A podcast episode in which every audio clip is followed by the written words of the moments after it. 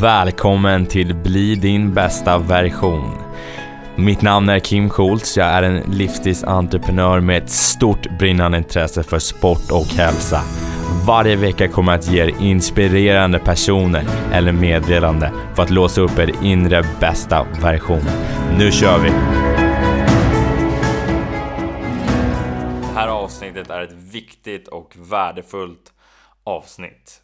Där samtalar en andra gång med Elisabeth Kylenstierna. Jag intervjuade henne första gången i avsnitt 59 där vi pratade om feedback, hur man lyckas med feedback och lite mer om hennes personliga resa.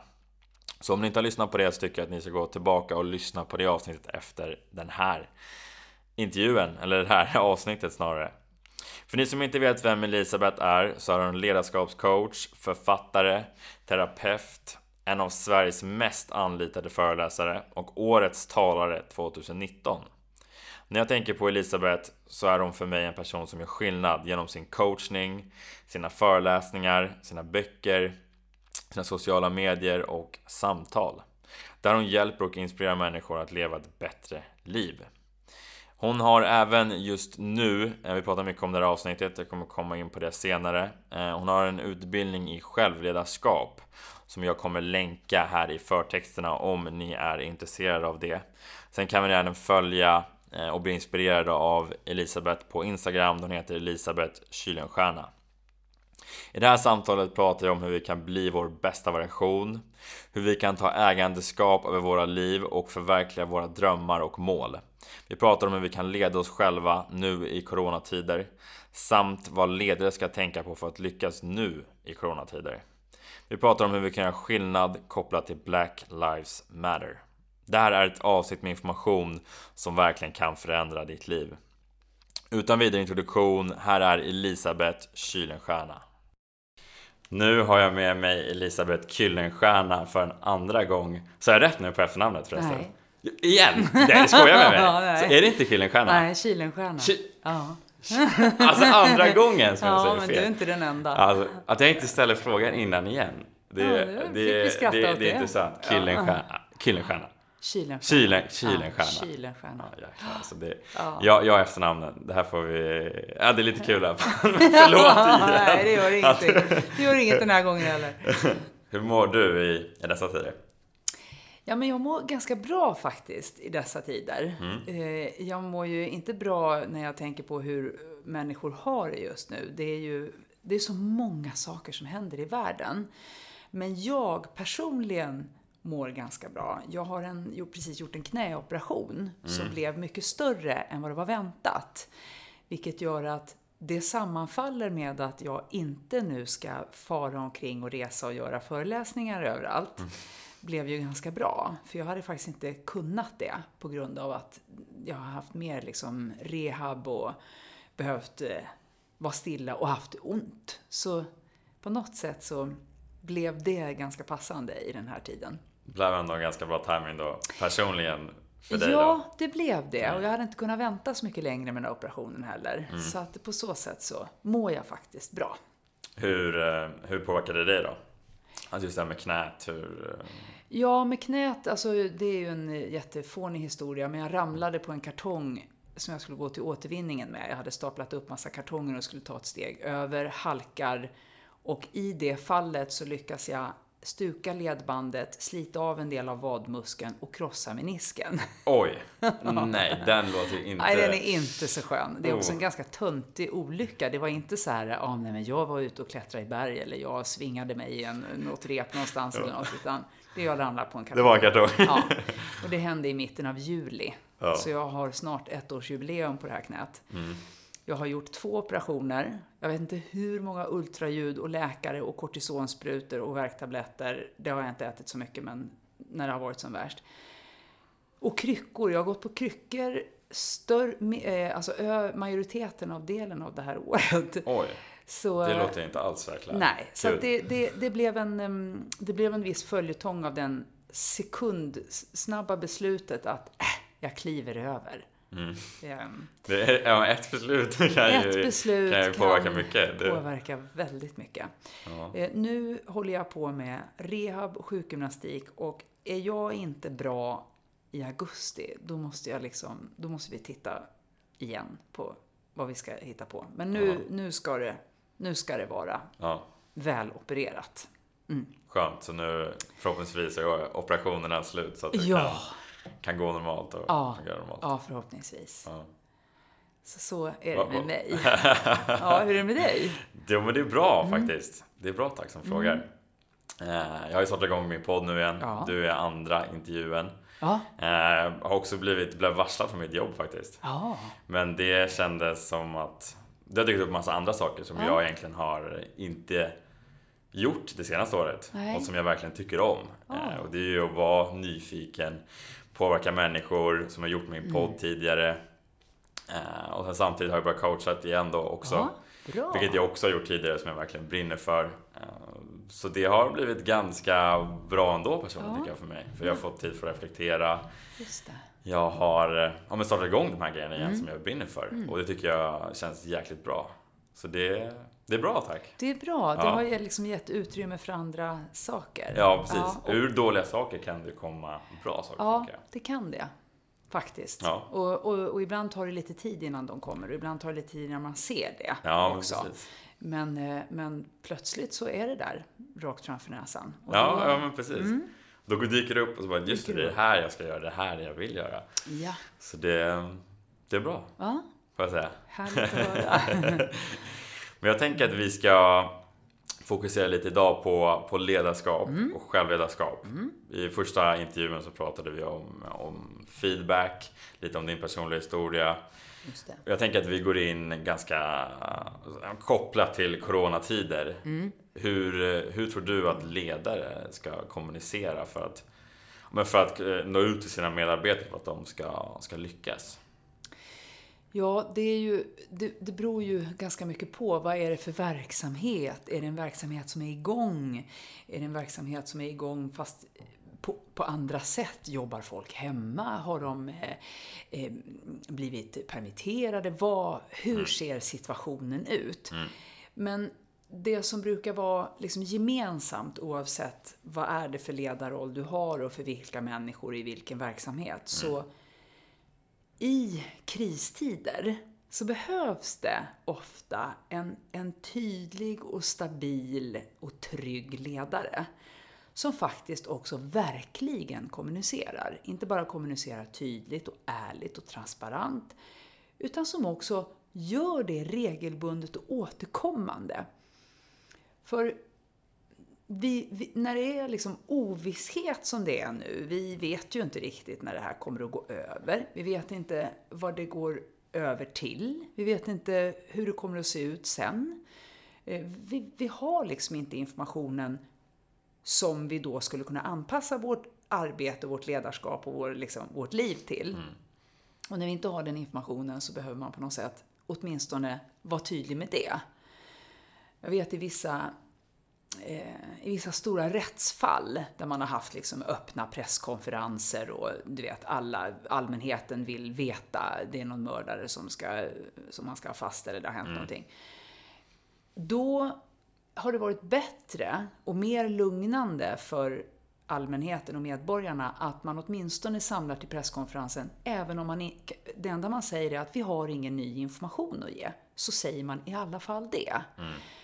Så det är otroligt viktigt med information, kommunikation som går både ifrån ledaren men att ledaren också lyssnar. Det handlar inte bara om att stå och liksom, Informera. informera eh, eh, så, utan eh, liksom, det måste komma saker tillbaka också. Man måste vara intresserad av sina medarbetare och lyssna på dem och höra efter hur de har det. Jag tänker att det bästa sättet egentligen i, i, i de flesta ledarskapssammanhang handlar om att vara en people person. Alltså att jag är intresserad av att leda människor, inte bara av vilka siffror de där människorna ska eh, ja, producera, Leverera. leverera. Ja. Exakt. Så det är viktigt. Och, och om man vill förstå om man har nått ut eller inte så får man ju fråga. Vad var det ni hörde? Eh, vad, vad, eh, om ni återberättar med era egna ord vad ni tog med er från den här, det här mötet eller vad det nu är. Och också ha liksom tydliga ramar från början med tider och vad ska vi plocka upp idag? Vad ska det här Zoom-mötet eller Teams-mötet gå ut på? Vad, så att det finns någonting att hålla sig i mm. när det är så mycket som är ovisst. Mm. Så det, jag, jag tror att eh, och de ledare som jag möter nu, även om jag kanske inte möter dem fysiskt, men eh, och, och, ändå coachar med och coachar och jobbar med, så märker jag ju att det är vissa som har jättesvårt just nu.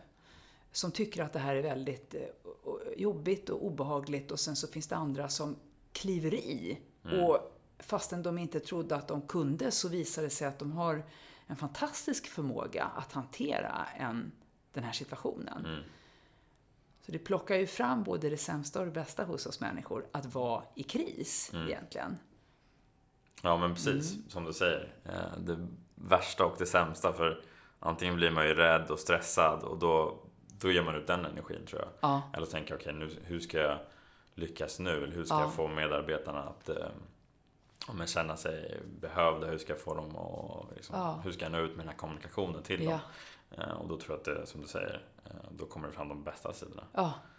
Men det är ju den energi man har i sig själv tror jag som man, som man sänder ut. Ja, det, och, och om man försöker mörka den eller försöker liksom ja, vara något annat. Alltså det vill säga till exempel verka väldigt samlad och lugn men egentligen är supernervös. Då, då kommer ju det ändå märkas. Mm. Alltså, när vi försöker kommunicera något annat än det vi känner, upplever, tänker och har inom oss. Mm. Då måste mottagaren av den här kommunikationen eh, gå på så mycket annat än orden de hör. Alltså då går man på kroppsspråk och tittar och oj den här personen ser liksom nerbitna naglar och sitter och skakar och hoppar och har sig. För det blir liksom inte trovärdigt. Mm. Du säger det där, men du ser ut så här. Mm. Alltså måste jag försöka lägga upp pussel här med vad du egentligen menar. Just det. Vad är det egentligen jag säger? Ja. Mm. Och det blir konstigt om det blir någonting helt annat. Det blir väldigt man... konstigt. Ja. Och då är det bättre att säga att jag känner mig väldigt osäker just nu. Jag mm. vet inte heller. Jag tycker också att det är obehagligt. Mm. Jag är också rädd för vad som ska hända. Mm. Men eh, jag ska försöka göra mitt bästa här att, att, att ta oss igenom det här. Det mm. blir tryggare än att försöka spela trygg. Just det. Så var ärlig någonstans och, ja. och genuin mot... Ja. Ja. Vilket betyder att vara människa. ja.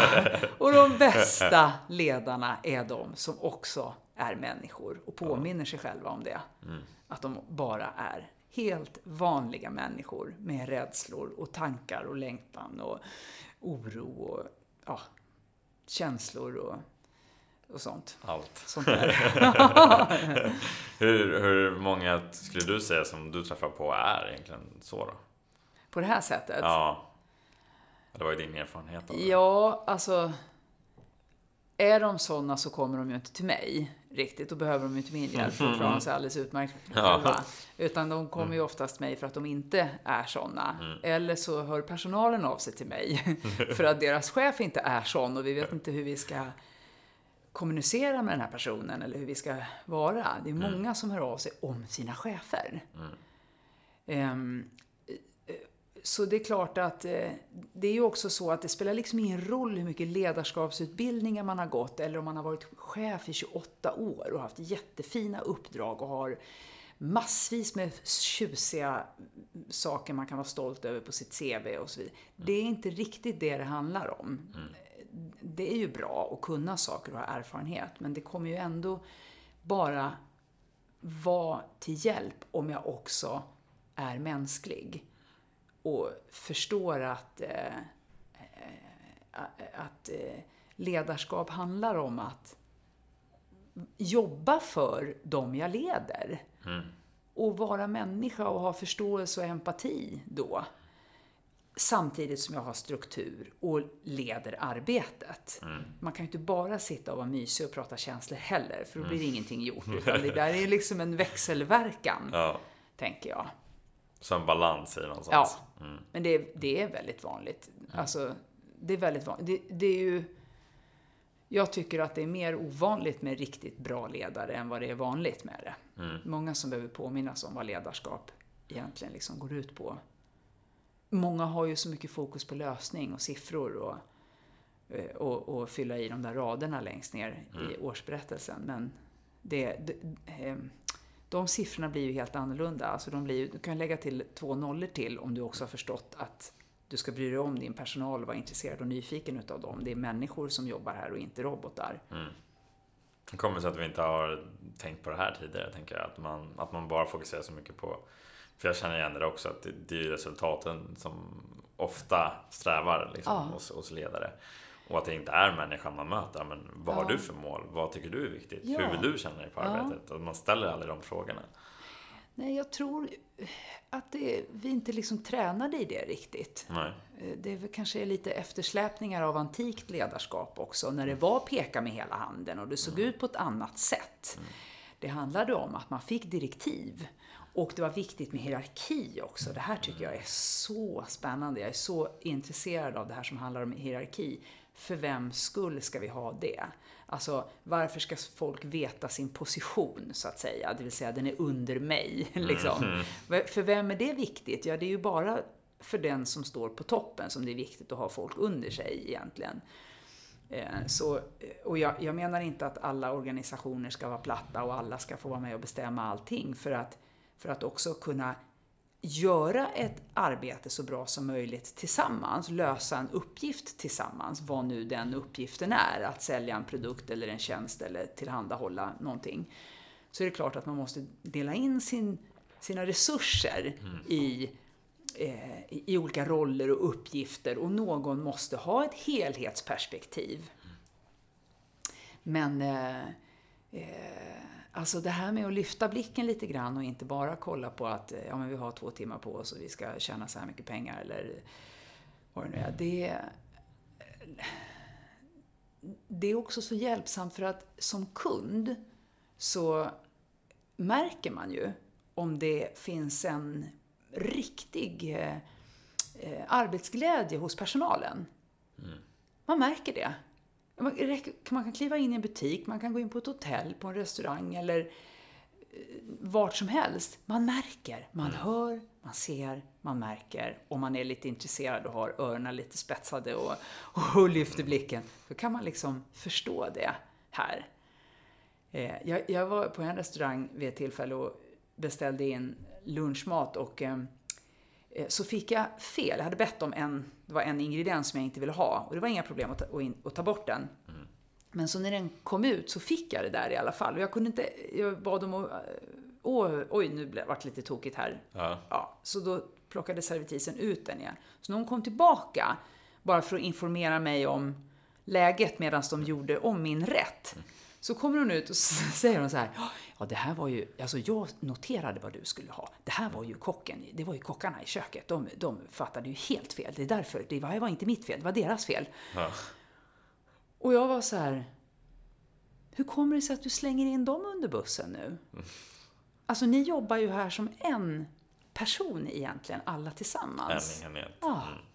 Varför kommer ut och... Jag har inte frågat vems fel det var. Jag har inte bett om den här tydliga informationen. Men det är intressant att höra att du nu kommer ut hit och slaktar dina kollegor. För att själv stå fri Stå- från ja, så ansvar. det var inte jag som Ja, gjorde något fel. nej. Eh, så att det, är det är märkligt det här hur vi... Och jag menar, då kan man ju också förstå att här finns det inte en sammanhållande ledare som, som arbetar med att eh, hålla ihop. Vi är en grupp som jobbar här tillsammans för ett högre mål, nämligen för att vår slutkund ska eh, trivas som gäst här. Vad hon inte visste då, det var ju att jag var ju där för att testäta, för jag hade ju precis börjat jobba med deras ledningsgrupp. Så Nej, det var ju nej, var det kolla lite hur det var i deras verksamhet. Så det var ju fin research. Ja, Ja, bra. Då fick du ganska mycket kött på benen Ja. på en gång, tänker jag. Ja. Ja. Kött på benen och rätt mat på tallriken. ja, ja, vad intressant. ja, För där är, som du säger, så då har man ju slängt någon, någon under alltså bussen. Det är så här, istället för bara, men det här var, gud förlåt, vi gjorde, gjorde ett fel. ja. Istället för att säga, men jag gjorde inte fel, det var, Det var dem. Det var dem liksom. Ja, Då har man ju, som du säger, inte alls eh, Nej. haft någon ledare som... nej. Ja. Och det jobbet måste ju göras varje dag. Mm. eh, Så. För, eh, för när jag beskrev det här så började ju de fråga, vilken dag var du där, vilket pass, vem var det som sa? Nej men det får inte du ens veta, för det är ovidkommande i sammanhanget. Mm. Eh, utan det här är ju ert ledarskap från början. Som det här. För jag vill ju inte göra samma sak med henne och skjutsa, skj, Henne under köra i, bussen. Nej, precis. Utan eh, det, det, då fick de ju liksom titta i det högre perspektivet. Vad är det för ledarskap som ni har här uppe på toppen som sen sipprar neråt i organisationen? Ja, men istället för att hitta en, en syndabock någonstans så börjar man ju förstå, okej, vad kan vi förändra? Ja, ja. ja. Just det. Ja, vad kul. ja. så, så, så, så var det den gången. Ja. Om vi tänker lite eh, självledarskap då. Ja. Ur, alltså speciellt i de här tiderna nu så tror jag att många, många är ju mer isolerade med sig själva, får olika tankar. Hur tror du att vi kan eh, ta ett självledarskap i, i dagens tider?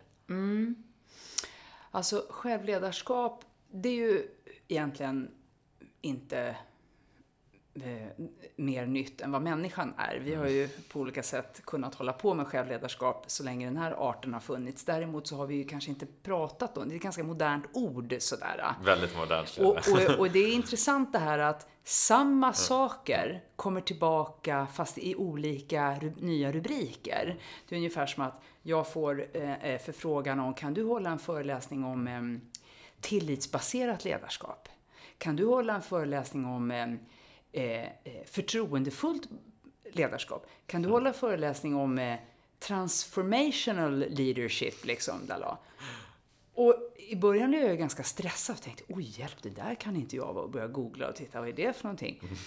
Ja, vad menar du? Allt är ju samma sak, det är ju bara att hitta på nya fräcka eh, rubriker. Ja. Vilket ju bara är förvirrande. Och jag tänker att självledarskap, det är lite, ja det är personlig utveckling. Det handlar om att stärka sin självkänsla, sin självrespekt, sin självtillit och jättemycket att ta ansvar.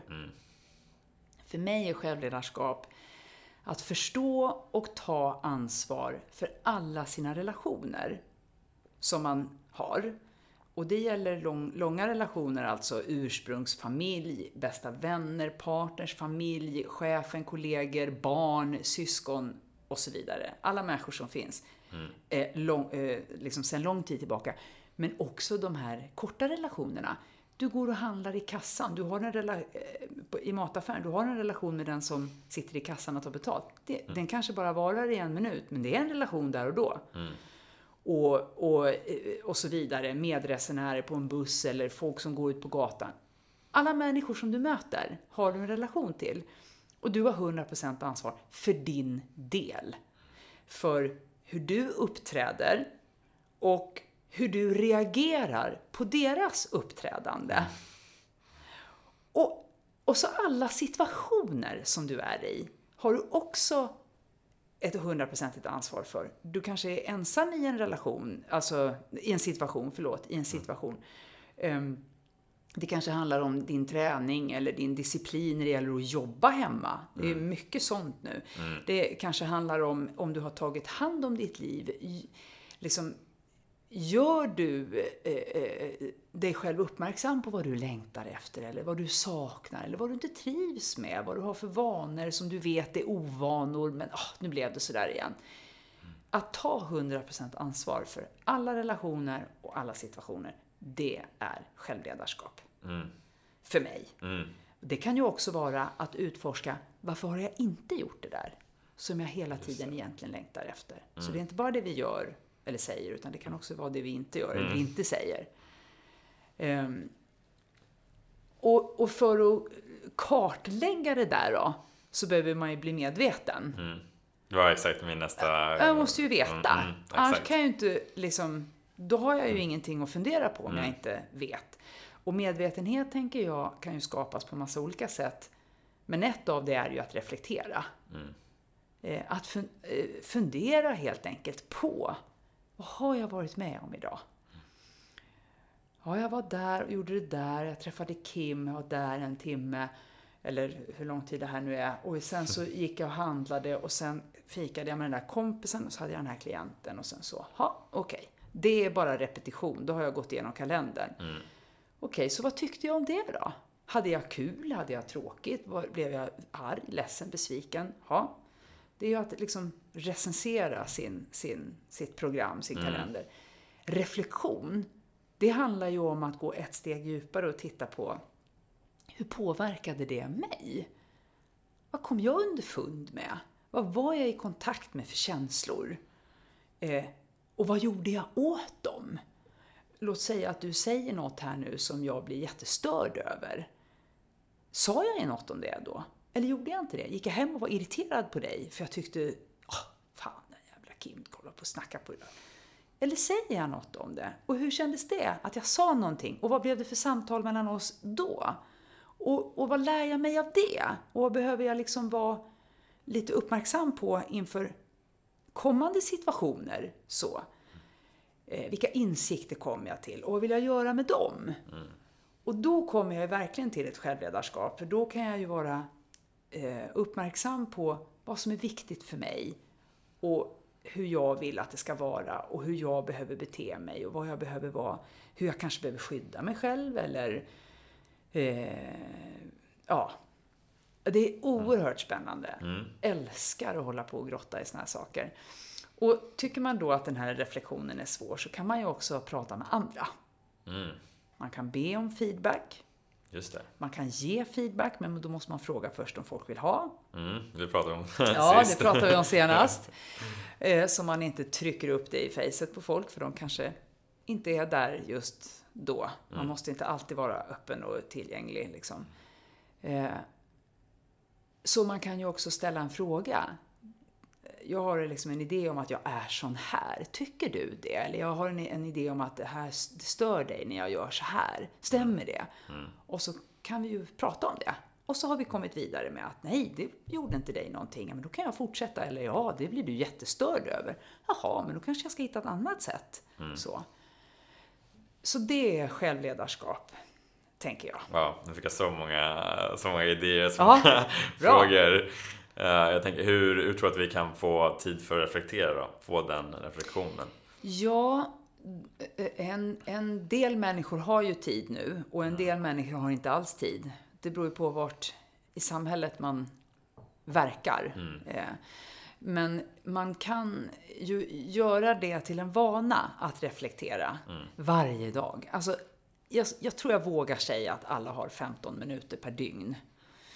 Det kan är ju- nog vill hålla med om. Ja, det, det, det kan man ju faktiskt ha. Och, Ja. och har man inte det så kanske man kan ställa klockan 15 minuter tidigare på morgonen. Eh, Så. Eller använda tandborstningsstunden till att reflektera. Men det brukar vara bra att skriva ner sina reflektioner för då kan man också gå tillbaka och titta lite sen. Vad har jag egentligen haft för teman i huvudet? Eller innanför bröstkorgen där kanske känsl känslorna mera sitter. Eh, och så kan man eh, ta, liksom ställa ett par frågor till sig själv. Man kan ställa samma frågor till sig själv varje, varje morgon om man väljer att morgonreflektera och titta liksom på vad, vad har jag framför mig idag och vad är viktigt för mig och nu ska jag försöka hålla koll på de här sakerna eh, för mig själv den här dagen. Eller om jag stänger min dag med att reflektera en kvart för att så här fundera på hur blev den här dagen då?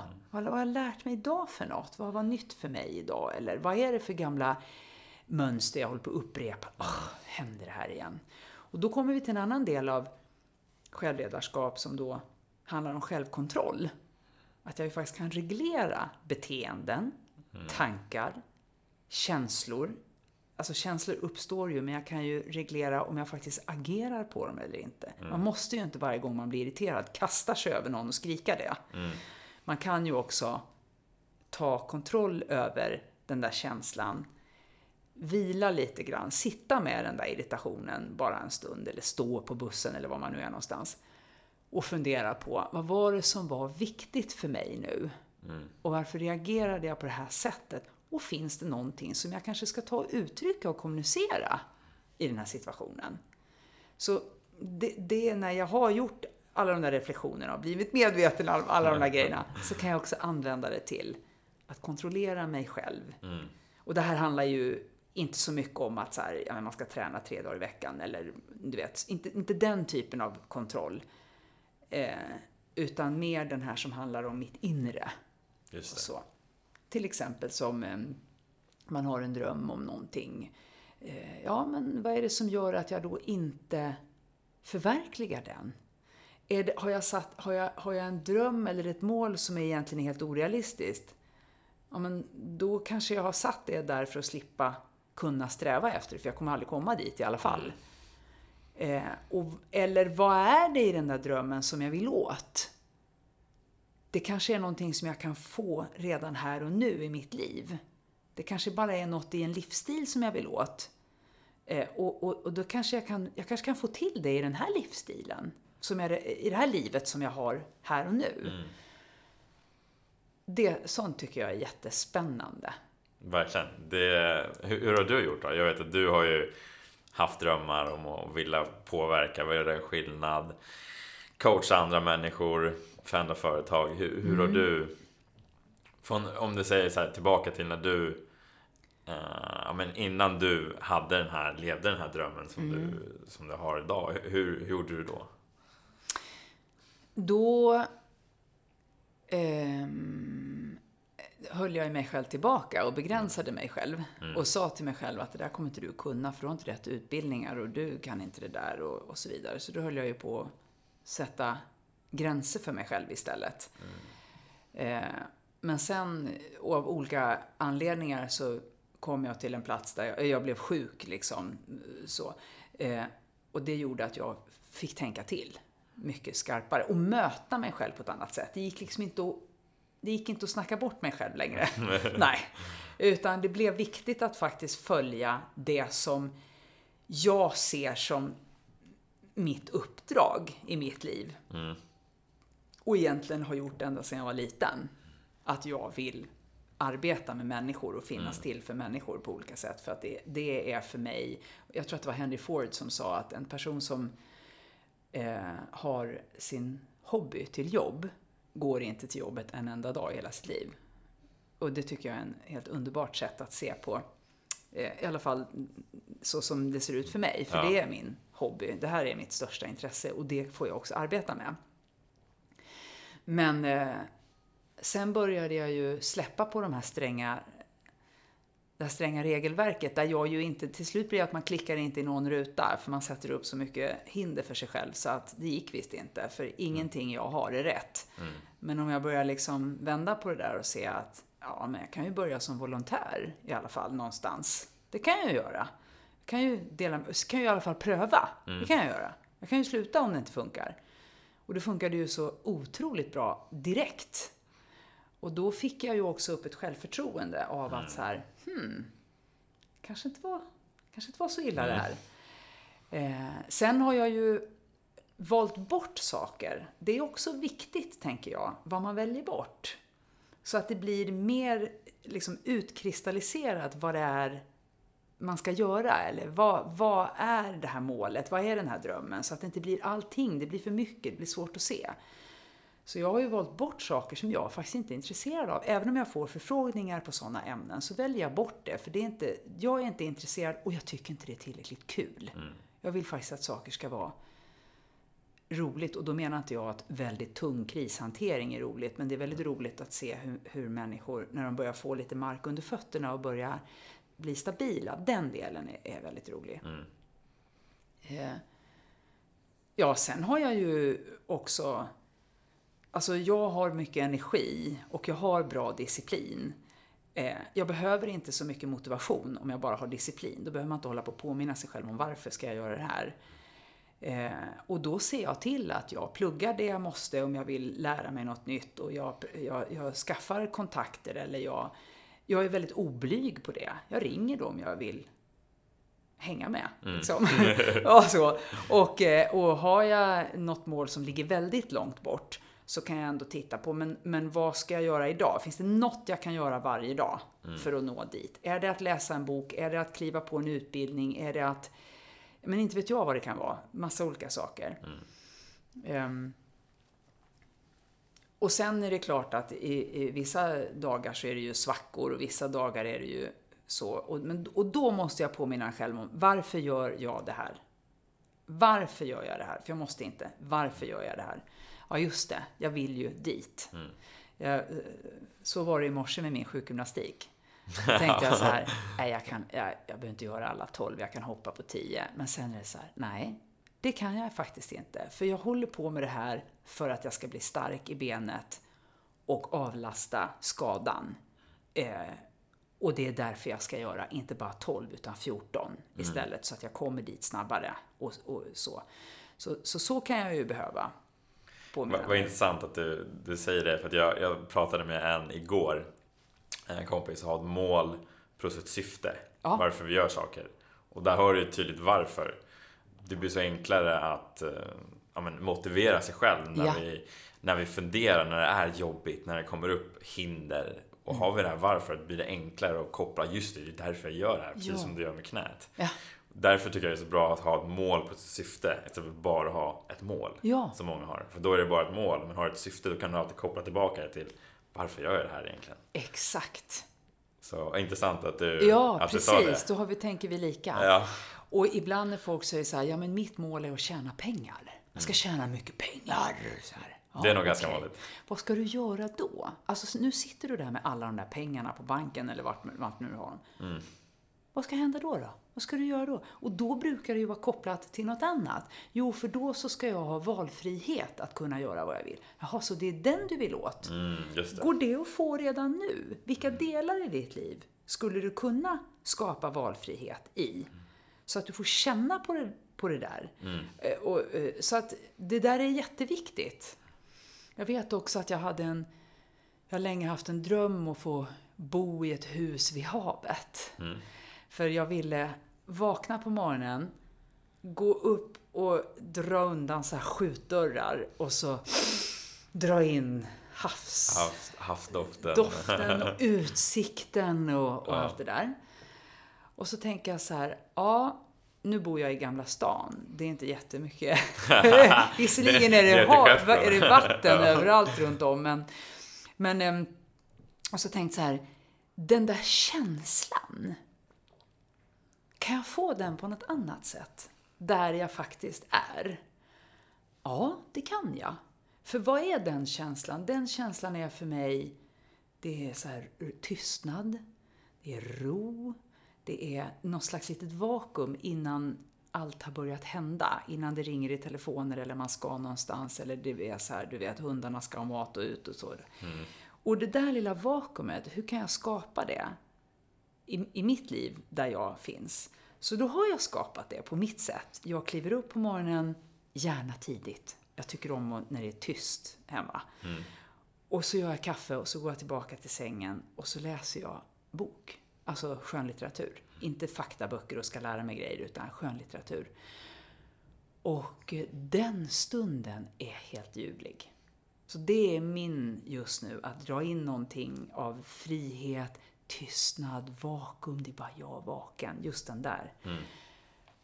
Så tills jag har ett hus vid havet så, Så kan jag ändå känna den där skapar den. känslan. Ja, jag kan skapa den känslan. Och det tror jag man kan göra i, på massa olika platser i sitt liv där man är. Skapa något av det där som jag faktiskt längtar efter. Mm. Vad intressant att du, du säger så, att man kan skapa någonting, det man egentligen vill ha. För det, det känns som att många av oss lever alltid i framtiden. Ja, men Ja. Jag vill ha det här, jag strävar efter de här Ja. sakerna. Men om, som du säger, om vi kan skapa, hur kan jag skapa det idag? Ja. Om man börjar ställa sig de, Mm. de frågorna. Det var jag också så intresserad av. Vilka, vilka frågor ställer du dig själv då? Har du några frågor som du ställer dig själv dagligen eller hur ser det ut? Ja, alltså på morgonen då när jag har gjort klart den där stunden, för den är fridlyst. Det är inga mejl, det är inget Instagram, det är inget liksom sånt där tjafs då, utan det är bok och lä- Och jag menar, eh, skulle det ha hänt någonting då, då, då, får, då märker jag väl det liksom. Då ringer det väl i telefonen eller något. Det är inte så, utan det är en fridlyst stund. Men efter det då, då, då, då vill jag ju liksom ha koll på vad jag ska göra idag. Jag har alltså en papperskalender fortfarande och jag har ungefär en dag i huvudet i taget. Mm. Så imorgon vet jag knappt vad jag ska göra. Det kommer jag kolla sen. Liksom.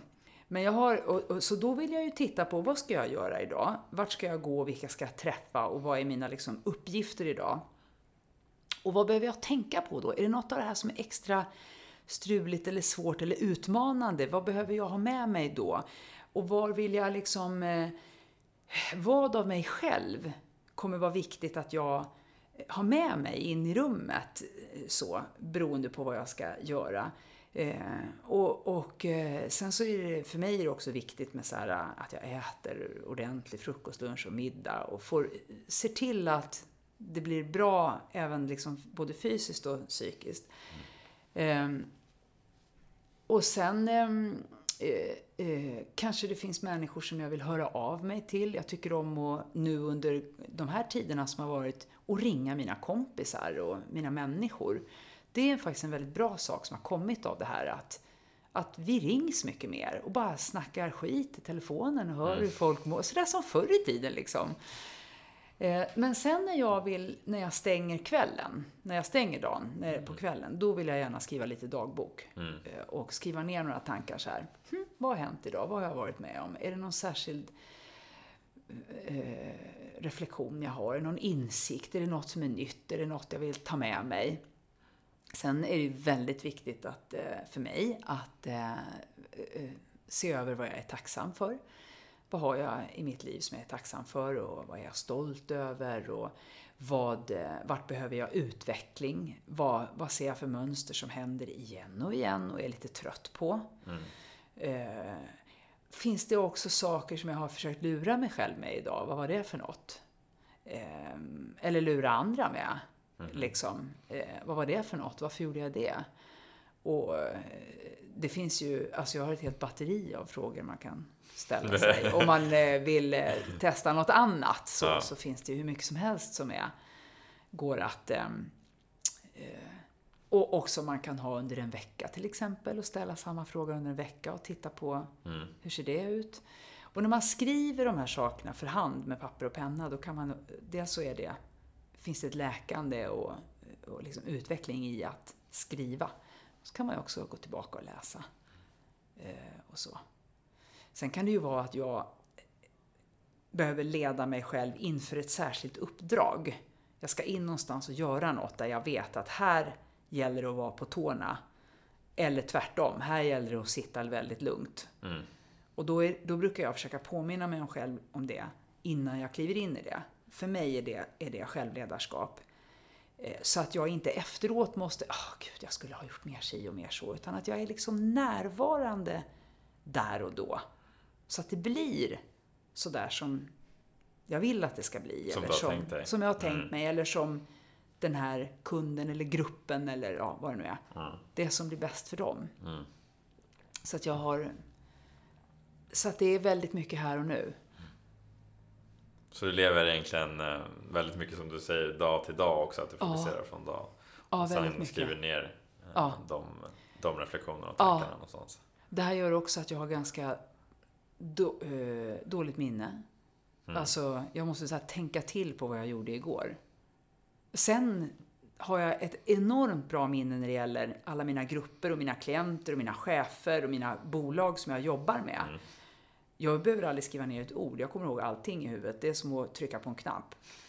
Eh, men vilken film jag såg igår, det kommer jag inte ihåg. Så, det var då liksom. Jag är ganska lik själv. Att jag, är så här, jag lever ofta väldigt mycket dag till dag. Ja. Inte att jag försöker alltid vara så närvarande som möjligt. Ja. Uh, försöker inte leva, ja, men vad händer Nej. nästa vecka? Vad ska jag äta sen ikväll? Så ja. det, det vet vi ju liksom inte uh, ändå om det uh, blir så. Nej, Nej, exakt. Tänker jag med. Ja. Och det är väldigt mysigt det här med att vara lite spontan med kompisar. Att inte ha, ska vi ses den 14 och äta middag? Nej, det kanske inte är någon som har lust med det den dagen. Det vet vi ju inte heller. Mm. Men det här, vad gör ni ikväll? Vi har köpt lite extra mat. Vill ni komma över? Den är ju helt underbar. Den gillar jag med. Den. Den gillar jag också. Ah. Den, det så är jag när jag planerar någonting. Ah, Eller planerar. Du, ja, Spontanplanerar. Spontanplanerar, precis. Ja, visst är det härligt? Ja, jag tycker att det är jättehärligt. Sen tänker jag också kring de här tiderna som faktiskt också kan få ingå i självledarskap. För nu kan det låta väldigt romantiskt och härligt och man bara kan skapa alla mysiga stunder. Det finns ju väldigt många människor som nu faktiskt lever i en enorm oro. Och återigen den här ovissheten. det kan vara generationer av värden som har skapats, företag som har byggts upp, Eh, eh, människor som har kanske en kompetens och jobbat inom ett företag och den kompetensen går inte riktigt att använda någon annanstans och nu finns det oro för det här företaget och så vidare. Ett, en del av självledarskap är också att faktiskt ge sig själv tillåtelse att känna alla de där sakerna. Man får vara ledsen, man får vara orolig, man får vara besviken, man får vara förbannad och frustrerad och, och sorgsen och, och, och, och ha ångest och vara, vara eh, arg och allting. Eh, även om det är sol ute och det är vår och folk börjar sitta på uteserveringar och man själv är skräckslagen. Det är okej. Okay. och, och jag hoppas att det de flesta ledare i sådana verksamheter inte blir för hurtfriska. För det kan vara ganska äckligt att behöva möta någon som är hurtfrisk och tycker att det är bara att tänka positivt och nu är det ju sol ska ni se och det här och bla bla. För det är ju också att inte tillåta människor att få känna oro. Och det är bättre, när man, ska, när man har de där typerna av känslor, så är det bättre att få vara där, känna dem, uttrycka det. Och, och mötas med acceptans och ett lyssnande. Mm. För det mesta är ju större på insidan än vad det är på utsidan. Så bara vi får uttrycka det och kan prata om det så brukar det vara liksom lättare att bära. Lite, lite, lite lättnad. Mm. I alla fall för den stunden. Så det, det, det är liksom viktigt att både få att vara medveten om de där känslorna som man har och att få ha dem. Att tillåta sig själv att ha dem. Och att tillåta andra att ha dem. Eh, och, och eh, man kan också be människor att vara mer tillåtande. Alltså jag skulle behöva prata om det här och jag behöver få säga de här sakerna och jag vill inte att du säger emot mig. Jag vill mm. inte att du kommer och säger de, alla de här positiva sakerna för jag kan inte ta in dem just nu. Jag behöver bara två öron. Kan du vara de två öronen mm. nu? Med, med ett hjärta, liksom. Eh, så jag tänker att det, det, är också viktigt just i de här tiderna, eller i alla tider, men nu har vi något som är gemensamt mm. som vi upplever. Och jag menar, en del, tittar man på sociala medier och så, så finns det ju många människor som postar eh, eh, små bilder med, ja, någon har åkt ut med båten och det är rosévin och det är eh, folk håller på att rensa sina förråd och de tränar och eh, håller på. Men någon annan har precis eh, inte fått eh, ta avsked av sin förälder eh, som har dött i, i corona och eh, man fick inte möjlighet att träffa den här föräldern som dog liksom alldeles för tidigt. Det är väl kanske alltid är för tidigt för att dö. Men, och, och, och då, det måste få vara okej okay att, att få vara i det också. Tänker jag. Absolut. Mm. Det tycker jag är en väldigt bra att du lyfter det. Mm. För det, att kunna få känna de känslorna som man känner. Ja. Och det är okej okay att man har de känslorna. Ja. Det, många tycker ju inte att det är okej okay och vågar inte visa sig sårbara, vågar inte visa sig svaga. Det är otroligt viktigt, tror jag. Ja. Och det är okej okay att vara så. Och som du säger, prata med folk om det, de jobbiga känslorna och acceptera att så är det just nu. Men det kommer bli bättre. Det kan ta lite tid, men eh, det bästa är att acceptera det och prata prata med, med sina nära och mm. kära om, mm. de, om de upplevelserna och de känslorna som man, ja. som man har. Ja. Och så kan det också vara så att någon har inte haft dödsfall i familjen, men de har blivit, man har blivit av med jobbet. Mm. Man får vara lika ledsen för det. Det är ingen som har patent på att vara mest ledsen, eller har mest orsak till att vara ledsen. Mm. Vi alla har liksom rätt till alla sina känslor. Återigen måste man inte alltid agera på alla känslor. Men man har rätt till alla sina känslor och jag jobbar ju mycket med människor i sorg. Och vi jämför aldrig. Vi jämför aldrig vem det är mest synd om. För då är det bara en människa kvar på jordklotet som det kan vara synd om. Eftersom om vi börjar jämföra, mm. ja, men då, då kan jag ha det lite värre än vad du har det. Mm. Men sen går vi ut och pratar med någon på gatan, då har den det lite, lite värre än vad jag har det. Och så fortsätter det så här, ja. eller hur? Och då är det bara en kvar. Mm. Och sen är det en annan sak att fastna i sorgen. Att fastna i ältande, att bli, fastna i offerrollen, att bli bitter. Det är liksom, då har vi, det är ytterligheterna åt andra sidan. Mm. Men eh, jag tror att det är viktigt just nu i ledarskap att förstå att människor är på olika platser just nu mentalt. Vissa funkar också jättebra att jobba hemma för inga problem. Andra kan inte alls det, får inte gjort någonting. Och sen är det ju också, man pratar mycket med det här med att jobba hemma. Jo, men hur ska liksom en taxichaufför jobba hemma då? Menar, det kan ju inte alla göra heller. Nej, det är ganska svårt. Ja, det är väldigt ja. svårt. Eh, så att ehm, jag tror det här med ett, ett brett perspektiv nu, att verkligen ha big picture. Samtidigt måste man ju ibland titta på detaljnivå också. Men det här är verkligen en tid för att liksom slå hål på sina egna fördomar och sitt eget inskränkna, inskränkta synsätt och, och, och så. Och det ser vi ju inte bara nu när det gäller Corona, utan när det gäller det som eh, har hänt i USA, med det här liksom övervåld från vita poliser mot den här svarta mannen. Och det är ju inte, absolut inte första gången. Det är ju liksom... Nej, det, det är ju ett flertal gånger. Flertal gånger. Mm. Och det gäller ju inte bara poliser, utan det mm. finns ju överallt i vårt samhälle. Mm. Eh, så att det, det, det, är en tid för eh, transformation mm. just nu. Hur tror du, när du pratar om de här grejerna så tänker jag på hur, hur, hur tror du att vi kan göra skillnad? För det är någonstans som jag tror behövs göras ja. nu, speciellt med det du pratar om nu. Ja. Det som hände i USA ja. med, med George Floyd. Så. Jag tror att vi behöver utbilda oss. Mm. Vi behöver veta och lära och förstå. Och vi behöver skapa nya sätt. Alltså det finns ju det här med learn och un, alltså unlearn och learn, det vill säga vad har jag för redan nu för förutfattade meningar eller för idéer eller eller vad är det jag tror att jag vet? Liksom? Eh, och att läsa på och förstå och, och, och, utbilda sig själv inom det som handlar om rasism. Vad är det?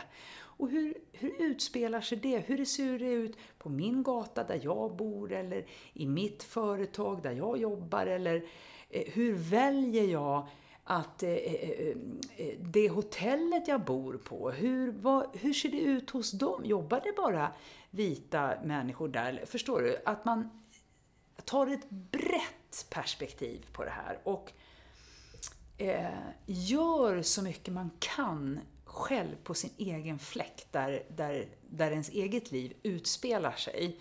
Men det är precis som med klimatkrisen så går det ju också att välja, inte bara att gå och sortera sopor eh, rätt, utan det går att välja.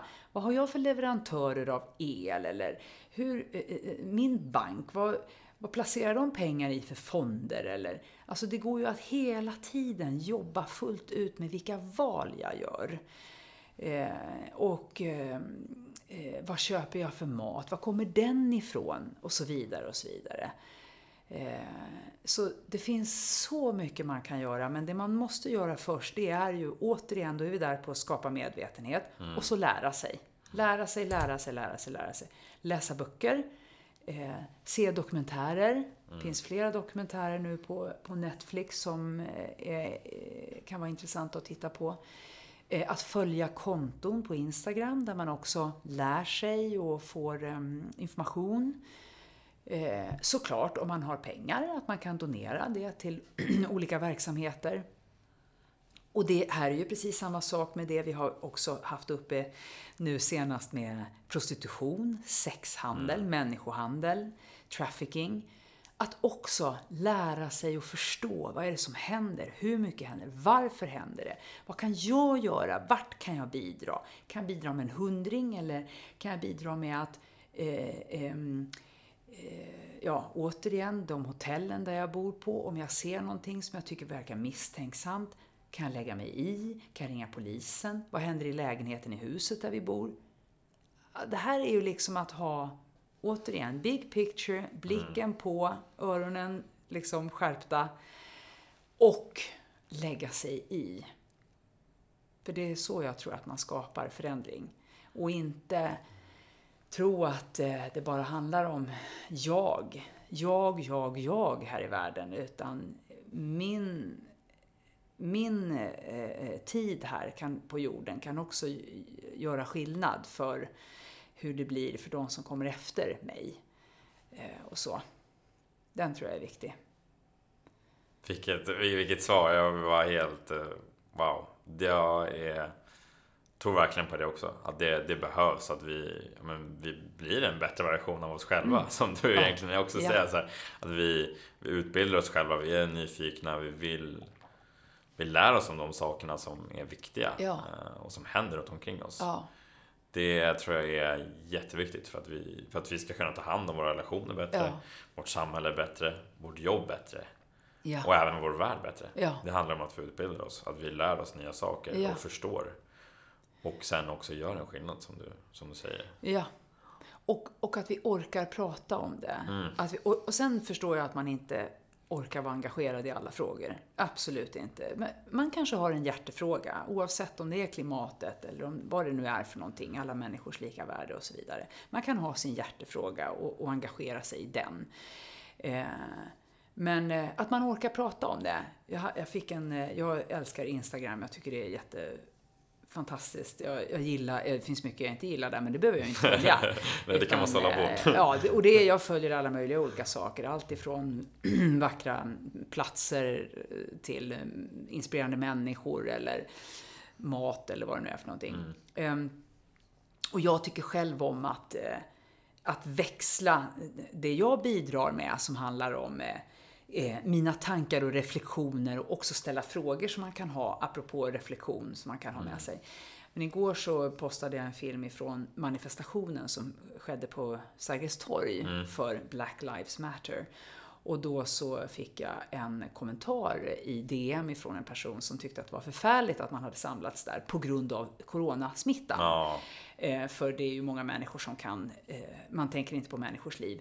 Och då svarade jag henne att, ja, alltså det här handlar ju om en annan, andra människors liv. Alltså, människor dör ju av detta också. Visserligen kanske det är lite ansvarslöst att stå så nära varandra och så vidare, men det handlar ju, de här människorna försöker ju också rädda liv.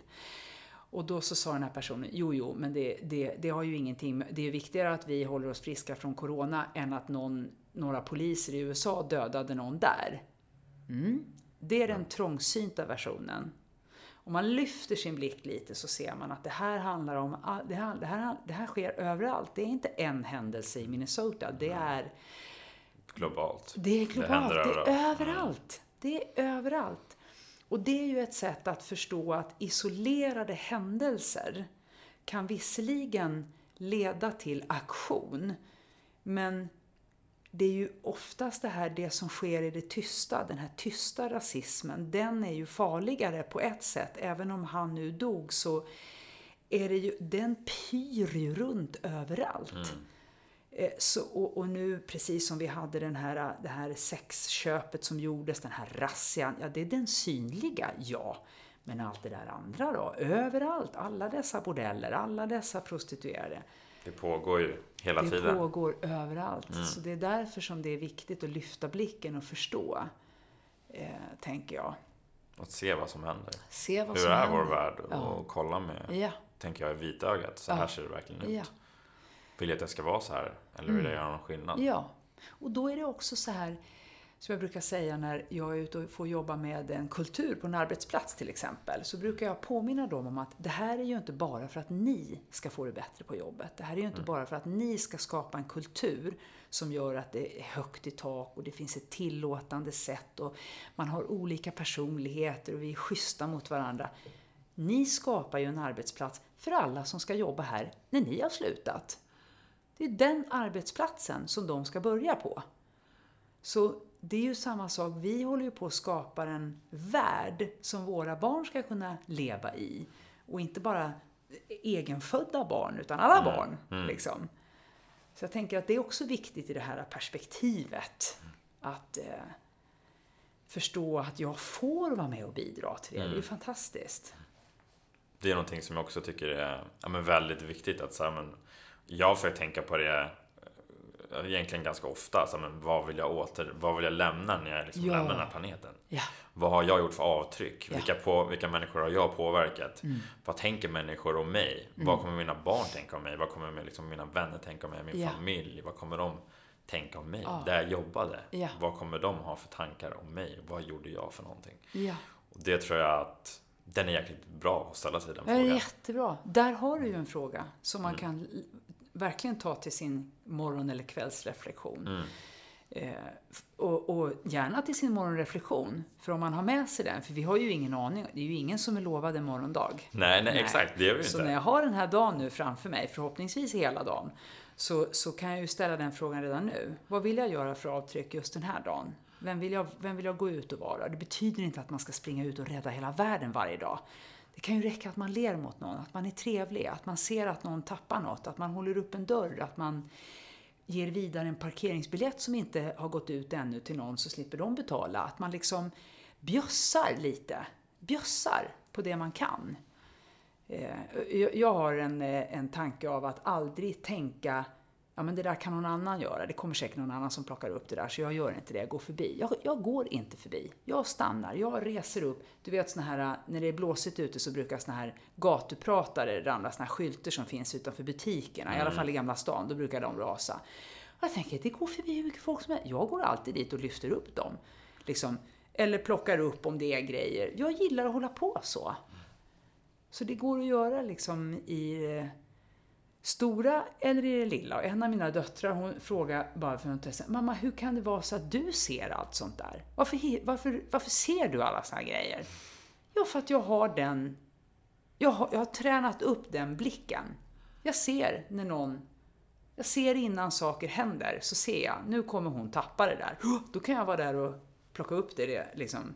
Eller, det där ser tungt ut, då kan jag hålla upp en dörr eller ja, vad det nu är. Det är roligt också. Det är Var en hjälpande hand Ja. någonstans. Ja, det är roligt. Du tänker på, jag tänker att det här blir den sista frågan då. Ja. Eh, vilka är de två saker som du vill att människor tänker på dig? Eh, Det är att jag är på riktigt. Nu tar jag bara det som kom spontant, så jag börjar inte tänka, för då börjar man bli så här, åh, nu ska det låta snyggt och så, utan vi skiter i det. De två första sakerna som jag kom på när du frågade, det var att jag är på riktigt, att jag är äkta, att det är på riktigt, att jag är liksom öppen, ärlig och är äkta. Så. Och det andra är att jag vill att människor ska ha kul ihop med mig. Jag vill att det ska vara roligt. Inte pajasroligt, men roligt, avsl- odramatiskt liksom. Kul bara. Och man får göra bort sig och jag kan bjuda på att göra bort mig och ja, men så. Då, då blir det både på riktigt och allvarligt, men det blir också tramsigt och kul. Så skulle jag vilja ha det. Och, och det hoppas jag att folk upplever, att jag är sån. tack så mycket. Bra svar. Tack. Tack så mycket för att du var med. Bra fråga. Tack. Vad tyckte du om det här avsnittet? Jag tycker det blev ett riktigt, riktigt bra avsnitt. Jag undrar, vad tar du med dig från avsnittet? Vad kan du implementera från det jag och Elisabeth pratar om i det här avsnittet? Finns det någonting du kan implementera av det vi pratar om i ditt liv? Det är min fråga till dig. Fundera på den frågan. Vad kan du implementera för saker som vi pratar om i det här avsnittet i ditt liv? Och låt mig och Elisabeth veta vad, vad det här avsnittet gjorde för er. Vad fick ni för reflektioner? Vad tänkte ni? Vad tycker ni om avsnittet? Låt oss veta. Eh, connecta med oss på sociala medier. Jag heter som sagt Kim Schultz på alla sociala medier. Hon heter Elisabeth Kylenstierna. Och låt oss veta vad ni tyckte om det här avsnittet. Ha det bäst alla!